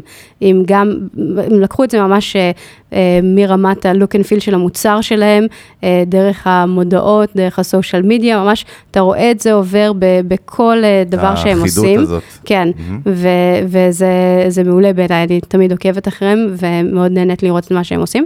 אמ, אז אני חושבת שאתה צריך להבין מי הקהל שלך, הקהל שלנו נגיד זה קהל מאוד שונה מהקהל הזה, אם אני לוקחת את אוטלי כדוגמה, ו- והם הם רוצים את, את התכלס, אז אתה צריך להבין את זה, ולדעת אה, באמת אה, לתת את מה, ש- מה שרוצים, כן. ובטח שלא אה, לעבוד עליהם, כמו שכן רואים בהרבה פרסומות. מה הכוונה לעבוד עליהם? זה מעניין. כאילו, כדוגמה, מה... ב- בעולם המשחקים רואים הרבה פעמים מודעות שהמודעה לא באמת מייצגת את המשחק. אה, רואים... אה, מה, ויזואלית? היא מייפה את הדברים? המודעה יכולה להיות, כן, יכולה להיות גרפיקה במודעה שמראה את המשחק שהיא לא באמת... באמת? כן? או יכול, אפילו גם ממש יכולים להראות לך אה, חוויית משחק שלא קיימת בתוך המשחק. קיצר clickbait. כן. אה, וגם יכולים להראות לך מודעות שמראות כאילו אתה מרוויח כסף אמיתי על משחק שאתה לא מרוויח כסף אמיתי, אז... אז וזה אנשים לא אוהבים. לא אוהבים. אומרת, ברור, זה- איזה זה בן יכול- אדם יאהב את זה, לא, מה, אתה זה- זאת יודע. אומרת, זה לא עובד זה שזה- עובד, בטווח- זה יכול הפוך. לעבוד ממש טוב בטווח הקצר. short term, כן. זה מי אה, שרוצה לעשות כאילו מכה, והוא לא חושב אסטרטגי, ולא חושב brand, ולא חושב כלום. כן. זהו, אז אם כבר אמרת את המילה הזאת, איך? קוראים אותה? brand, brand, משהו, כן? כמובן. איך אתם, אתם חושבים ברמה אותי של לבנות brand? ואם כן, אז מה זה אומר מבחינתכם לבנות את ה-brand שלכם. אז יש אצלנו בעצם, כל משחק הוא brand בפני עצמו. כן. אה, ואנחנו עסוקים מאוד בבנייה של הברנדים של המשחקים עצמם, אבל אנחנו כן חברת performance. אז אה, בגישה שלנו אנחנו יותר חברת performance מחברה ששמה את הדגש על הברנדים. זה אה, חשוב מה שאמרת, כי הרבה מהקהל שלנו הוא צורך את העניין של brand אצלנו, וגם שוב, אנחנו לוקחים את הטרמינולוגיה של ההייטק, הרבה פעמים מנגישים אותה, זאת אומרת performance, קודם כל, למה את מתכוונת למי שלא יודע? מה אז זה אני אומר להיות מתכוונת חברת לזה performance? שאנחנו אה, עושים פעולות שאפשר למדוד אותן, ושאנחנו, ושעומדות בקריטריונים של ה-ROI שיש לנו כחברה. זאת אומרת, אתם קודם כל data ואחרי זה דברים אחרים. כן.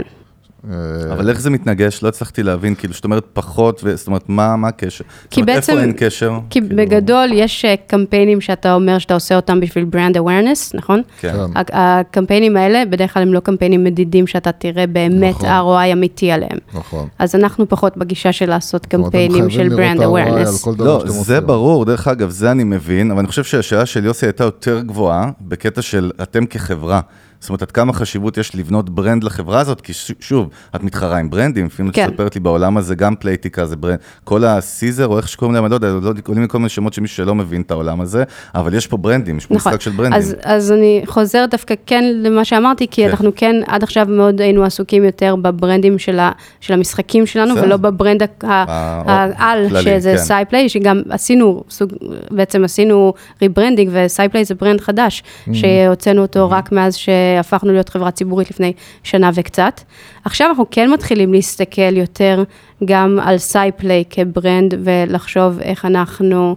אה, בעצם אה, מתייחס, איפה אנחנו רוצים למתג את עצמנו בתור סייפליי, אז גם נגיד לפני אה, כמה חודשים הוצאנו identifier, כזה דמות עם הלוגו שלנו, שזה חלק מה-branding שאנחנו עושים לסייפליי, ואנחנו כן מתחילים לחשוב יותר על הכיוון הזה, שזה, שמבחינתנו ה-brand של סייפליי הוא brand יותר חשוב לגיוס talent. זה ושימוש. ב-talent, אז זה נורא נורא שונה, כן. ה-HR זה. המשחק פה, כי, אתם עובדים על ברנדים כבר שהם בעצם די מבוססים, ה-sub brands, נכון? נכון, נכון. אז אנחנו בעצם, ההסתכלות היא מאוד שונה, שזה דווקא נגיד משהו שמאוד כיף לי בתור uh, CMO בחברה. שיש את ההסתכלות על ה brands של המשחקים, שזו הסתכלות מסוימת, ועל ה brand של Safely, שרק עכשיו אנחנו באמת מתחילים שזה כאילו המיתוג מעסיק, יותר. מה שנקרא. כן. כן. שדרך אגב, אנחנו כאילו נגד המושג כמושג, אבל זה סתם, כאילו, כי זה טרמינולוגיה, זה brand בסוף, זה לבנות brand, זה לא משנה. לגמרי, כן. כלפי... אה, מה עוד, יוסי? מה אתה חושב יותר מדי? מה קורה מה, לך? לא, לא חסר. אה, טוב, אנחנו, דרך אגב, אנחנו כבר אה, קרוב לשעה, בלי ששמתי לב. כן, בסדר. אז אנחנו עוד מעט, נראה לי, נתכנס אה, לסיכום? לאט לאט, לאט לאט, כן, סבבה. אז תרביץ. אה, אז כן, אנחנו אה, רוצים קצת לדבר אה, על, אה, על אה, פרסום שיווק אה, ברמה יותר אה, רחבה, לא רק על, אה, על העולם הזה של, של משחקים, ואם את אחת שחיה בכלל את השוק ומכירה הרבה ויודעת, שוחה במה שקורה בטרנדים ובכלל, יש פלטפורמות, טרנדים, אה, אה, איזשהם מהלכים שאת אה, רואה שימוש ב, לא יודע מה, הומור או לא הומור, או, או, או וידאו, או לא, יש דברים שקורים, שיכולים להכין אותנו לשנה הקרובה, ל-21, שאת יכולה להאיר את אה, עיניהם של המאזינים שלנו, אה, יודעת, טיק טוק, אה, לא טיק טוק, אה, פייסבוק, האם פייסבוק כבר פחות, יותר, גוגל, זה לא טרנד מאוד חדש, אבל אני כן חושבת שהוא אה, מקבל אה, עוד כוח וימשיך לקבל כוח, אה, שזה הטרנד של ה influencers, אה, שאני רואה הרבה שימוש בזה, ואני חושבת שהשימוש נהיה יותר ויותר מתוחכם בדיוק. ונכון. יותר מאתגר גם, דרך אה, אגב, זה לא כזה פשוט שלם מישהו והוא מוכר לך את הסחורה. נכון. ראו ערך קים קרדשיאן עם אה, חברת משקפיים של אה, בר רפאלי. אז יש, אה, יש יותר שימוש בזה ויש יותר פלטפורמות. כן. זאת אומרת, אם פעם influencers היו רק ביוטיוב, אז יש עכשיו גם יוטיוב, גם אינסטגרם, גם סנאפצ'אט, גם טיק טוק, באמת, זאת אומרת, פודקאסטים, יש דרך אגב, בארצות הברית זה מטורף. כן. כאינפלואנסר. כן, אז יש המון אה, שימוש בזה, ואני חושבת שגם גם במוזיקאים פתאום כאינפלואנסרס, ואני חושבת שזה עולם אה, ממש אה, רחב, שיש המון מה לעשות איתו, ודווקא ככה, אם הזכרתי קודם גם את iOS 14 ושינויים שזה יעשה, אני חושבת שזה כן, לפחות אותי בתור CMO דוחף עוד יותר לחשוב על, ה, על הכיוונים האחרים. אני כן חושבת שאגב, זה יגרום לאופליין. לחזור אה, קצת ולקבל... מה הכוונה? אה, בגלל שאנחנו נאבד הרבה יכולות אה, ב, כן. במובייל, אה, אני חושבת שחברות כמונו יסתכלו אה, יותר גם על אה, פתאום חזרה לפרסום ב-out of home, billboards, רדיו, טלוויזיה. אני מאמינה שזה, שזה יקבל אה, קצת יותר אה, משמעות אה, ב, בשנה הקרובה. ואירועי כאילו... בעוד, כן. אחרי שהרוסים יוציאו את החיסון שלהם, כן, וכולם ימותו מהחיסון, אז uh, uh, יישארו כמה שיהיה אפשר לעשות אותם אירועי offline. האם גם אירועי offline uh, זה בעצם, זאת אומרת, האונליין יתחיל להיות כל כך מסובך שכבר uh, אנחנו נתחיל לעזוב אותו אולי? אני חושבת שאירועי offline יהוו בסיס לשיתופים באונליין.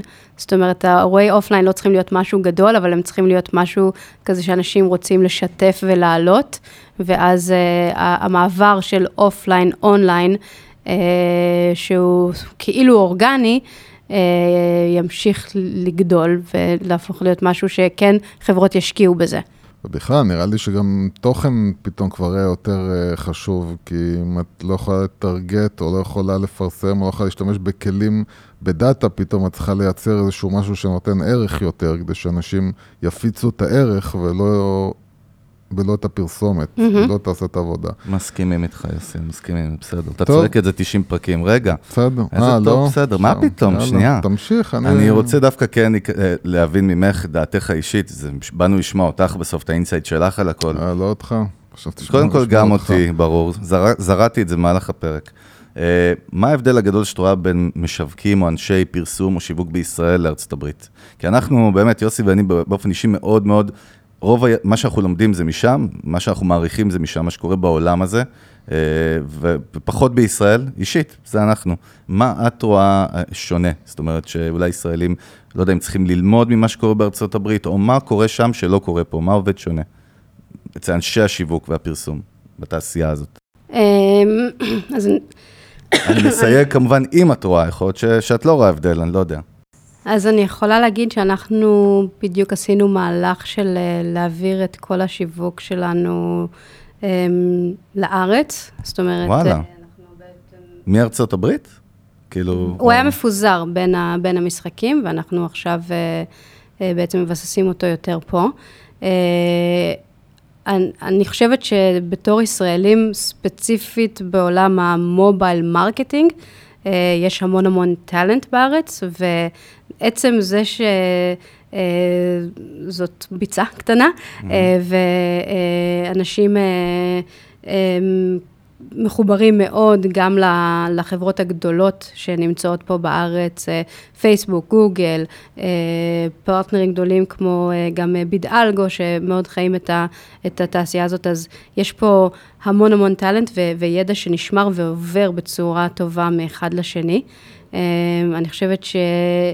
ככה מה שהזכרתם קודם על זה שהחתול והעכבר שיש בתעשייה בין המשווקים לבין הפלטפורמות, אז אני חושבת שבארץ אנחנו, בחשיבה שלנו, מאוד uh, מתאימים לחשיבה הזאת, של uh, לעשות את ה... Uh, להיות, אנחנו מאוד סטגלנים, כן. ב, ו, ומחפשים כל הזמן את, ה, את הפרצה ואת הצעד הבא. רוח אז... היזמות הישראלית. כן, כן. כן. אמ, אז אני חושבת שדווקא מבחינתי, מה שנוצר פה, האקו-סיסטם הזה שיש פה, mm-hmm. הוא מאוד מאוד חזק. אמ, ברור שהחברות, כמו שהזכרתי, גוגל, פייסבוק, יש אותן בארצות הברית בהרבה יותר גדול, אבל... אה, אבל דווקא בגלל שפה הכל ממוקם במשבצת על כן. משבצת, כן. אז ככה, יש לזה כוח. אה, זאת ואני אומרת, חושבת מה, ש... זה מוציא מאיתנו יותר... אה, מה- מה, מה, מה זה גורם? כאילו, אני מנסה להבין. אני חושבת שיש לנו את האפשרות להתמקצע פה ולהגיע לרמה מאוד מאוד גבוהה. אה, מבחינת, שוב, גם, גם הקשר עם הפלטפורמות, ההבנה של הפלטפורמות, באמת ה... זה מביא לזה שאנשים שבעיניי עושים את ה online marketing פה בארץ, הם באמת ברמה הגבוהה ביותר. וואו, איזה הרמה, ונותנים הפתיע אותי. fight לכל מקום בעיניי. סחטיין, אבל אם יש משהו שאת, בגלל שאת עסקת הרבה עם חו"ל, ספציפית ארה"ב, מה, מה אנחנו יכולים ללמוד מהם ברמת ה marketing? זה איזושהי תובנה לא רק. marketing, אולי גם בכלל, ברמת הניהול. בטח, ברמת בסדר, ודאי. איך מ- כאילו, מה קורה ב-USA שאת אומרת, אוקיי, אם זה, זאת אומרת, זה משהו שאנחנו צריכים ללמוד פה, שאני לקחתי לעצמי משם, ואת יודעת. אה, הם, הם בהרבה מקרים עובדים בצורה הרבה יותר אה, מסודרת אה, מאיתנו, ו... מפתיע, אה, איזה הפתעה. כן. אה, אה, לפעמים זה חיסרון גם. כן, כן. יש, ברור, יש אה, יתרון וחיסרון לכל דבר, אבל הם אה, יותר, אה, התהליכים שם הם יותר אה, ברורים ומוכתבים, וככה מתנהלים באמת, אם משהו צריך לקרות בסדר מסוים, אז הוא יקרה בסדר מסוים, ולגמרי, כמו שאמרת, זה יתרון וחיסרון. אה, אז אני חושבת אבל שברמה של, אה, של בניית תהליכים ו... של אה, חשיבה מאוד אה, מסודרת ומחושבת, אה, יש לנו מה ללמוד. אני חושב גם, אני- אסכם כבר, זה מתחבר מה שאת אומרת, מה שיוסי בדיוק דיבר עליו בפרק הקודם שלנו, העניין הזה שבארצות הברית ברנדים, יש, יש יותר מותגים מבישראל, זאת אומרת, בישראל זה פחות, אז גם מה שנראה כ brands גדולים, הם פחות מתנהגים כ brands, בארצות הברית זה מאוד כאילו מוכר. anyway, הוא היה בסניף של בית קפה בארץ, ודיברנו על זה בפרק הקודם, שאתה יכול ללכת לסניף של מותג, של רשת בתי קפה, כל סניף אתה תקבל חוויה לפעמים נוראית, לפעמים טובה, אבל אחרת. זאת אומרת, אתה לא, לא תרגיש את ה brand. אה, וזה משהו, נגיד, שבארצות הברית הוא לא קורה. זאת אומרת, אם יש אפילו רשת שהיא בית קפה, או איזה סטארבקס, יהיה איזשהו סטנדרט שיונהג בכל, ובארץ אין את זה. אז אני מבין מה את אומרת, אבל בסופו של דבר הרמת יפה לישראלים, אין מה לומר. נכון, יוסי? אז אני אדחוף אותנו לקראת... אה, את העגלה, כן. לקראת אה, סיום, ונסיים אולי ככה ב... ניתן לך אה, להגיד כמה תובנות, זה יכול להיות... אה, 60, 115. 70, כן, משהו ברמה הזאת של אה, דברים שבתור מנהל את, מנהל את, סלאש, תו שיווק, אה, צריך לעשות, לדעת, הכללים שלך, ל- לעשות את העבודה הצלחה. שלך כמו שצריך. אז uh, אני חושבת שזה להיות מאוד מעורב בחברה בכלל, זאת אומרת להכיר טוב ממש את המוצר ואת האנשים שמובילים את המוצר ואת כל התהליכים מאחורי זה, ולא להיות בסיילו שלך, של ה marketing, ולא לצאת משם, זאת אומרת, אה, להבין שגם אה, גם אתה צריך להיות חלק מכל החברה, אבל גם אתה צריך להיות מאוד שקוף עם, אה, עם העבודה שאתה עושה כלפי החברה, זאת אומרת ששני הצדדים ירגישו את ה... ה- transparency, את השקיפות הזאת, גם, גם, אה, זאת אומרת שנורא נורא חשוב שהחברה לא תרגיש ש marketing זה איזשהו אה, black box שהם לא יודעים. משום מה, איכשהו אנשים מפתחים ואנשים נורא נורא מוכשרים שיכולים להבין אה, rocket science, marketing תמיד נשמע להם מדהים. כמו משהו זה- שאין לנו מושג. ולא רק זה, גם הרבה פעמים אנחנו נתקעים אני ויוסי, גם עם לקוחות שלנו שהם טכנולוגים, שהם פשוט כאילו בשיווק יעשו את הטעויות הכי הזויות, שכל ילד זה נראה הגיוני, זה קטע מדהים. בדיוק, אז, אז כן, זה כאילו עולם כזה שנורא מפחיד כן. אנשים שלא באים ממנו, אז אני חושבת שצריך אה, להיות, מאוד להסביר ו, וללמד, וככה באמת שיבינו את זה, ושזה לא, יירא, לא יישאר המשהו המפחיד הזה שלא, שלא מבינים. Mm-hmm. מה שדיברנו על החיבור של הדאטה והיצירתיות. אה, ו- ולא לא להפסיק לחשוב מה הצעד הבא. אה, לאן, לאן לוקחים את הדברים ואיך אה, מתפתחים ומתקדמים, כי זה עולם שבאמת אי אפשר לעמוד בו במקום. זה כן, זה, אנחנו לא באייטיז, מה זהו, שנקרא. יש 98 דברים, קודם לא? כל, בזכות נוגה הבנתי מה ההגדרה החדשה שלנו. אנחנו לא אנשי מיתוג, אנחנו אנשי מדעי המוח. אתה מבין את זה, נכון? לא, אני חושב שאתה קצת אה, מרים לעצמך יותר לא מדי, נכון, אהבת זו הגדרה. אמיתית. טוב, אפשר. לסיים? נוגה, עוד משהו? מניפסט לאומה, כן. יש לנו עוד משהו להגיד, משהו שבא לך להגיד. נראה לי אה, אני אמרנו חושבת. שכיסינו, יפה. אה, יש. משהו כן שמעניין אותי, שמעתי את זה במקום אחר, זה מעניין אותי, האם אה, שאלה שנראה אני- לי שכדאי. לסיים איתה, כאילו, כן. אה, איפה ההתנהגות שלך באופן אישי השתנתה בתקופה עוד של הקורונה? ברמה שלך האישית, האישית דברים שאת עושה אחרת, דברים שאת צורכת שלא צרכת. אמ, נהייתי קנ- קניינית אונליין רצינית. כמובן. יש לי את כן. ההגדרה שאם אה, לא הגיעו אליי שלושה שליחים ביום, כן. זה היה יום מבוזבז. אוקיי. אז uh, הכל הכל הכל מגיע אליי הביתה, זה מדהים uh, לראות איך, uh, איך הכל יכול uh, לקרות בצורה כזאת. מהמם. Um, אז אני חושבת שזה השינוי הגדול uh, מבחינתי. כן לחשוב כל הזמן איך uh, גם באמת בקניות האלה שעושים, תומכים ב... בעסקים הקטנים ובחשיבה הזאת אגב. לעשות איזשהו שינוי ולא ללכת על האוטומט. אמ, אז אני חושבת שזה, הש- מבחינת צרכנית, זה השינוי הגדול שעשיתי. ומה שנוגה אמרה, זה השינוי הכי גדול בערך שקורה בעולם, הרבה אנשים שלא רגלו, ל, ל, לא, התר, לא היו כן, רגילים ל e-commerce, ראה את מניות וויקס, שלא סתם לא רק, אה. כל, כל האונליין מתפוצץ, אז אה, טוב. טוב, יאללה. טוב, בקיצר, אנחנו נתכנס על סיכום. אז קודם כל אנחנו רוצים להודות לנוגה הלפרין, ה-CMO הגלובלית של SciPlay, שקודם כל תודה שאירחתם אותנו, היה לנו כיף חיים באמת. תודה אני חושב שבאתם. שהיו תובנות אה, חשובות בהחלט. בהחלט. אה, ואנחנו רוצים באמת להודות כל המאזינות והמאזינים שלנו ולהזכיר לכם שאת המנגל ניתן לצרוך בספוטיפיי, באפל מיוזיק, אפל פודקאסט, סליחה, בסטיצ'ר, דיזר, גוגל פודקאסט ויוטיוב כמובן הפרק עם נוגה עולה במלואו ביוטיוב. אה, ובאתר של המנגל, פייסבוק, די, אין לי כוח, קראנו כל הרשימה הזאת כל פעם, זה כבר 90 פעם. זה. הדבק מפרקים קודמים בקיצור. בדיוק, רעיון טוב, יוסי. כן, אז אם בא לכם לכתוב לנו, יש לכם הערות עם עין או עם א' על הפרק עם נוגה על כל אחד מה-90 הפרקים שמאחורינו, נשמח לשמוע מכם. ו basically that's it, אנחנו עם כן. המנגל, חגי גודובסקי Brand Nation, יוסי הגדול, ברנד אייל. נוגה, תודה. תודה. תודה נוגה. ביי. ביי.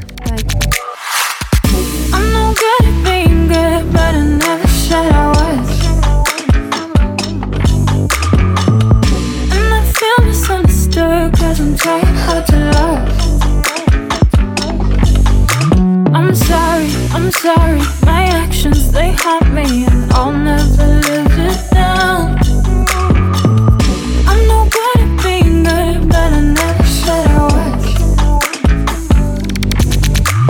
You call my bluff, I won't pick up, I let it ring.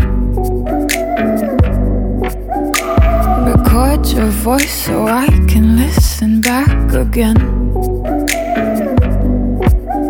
And I'm sorry I'm not perfect, but I knew that I wouldn't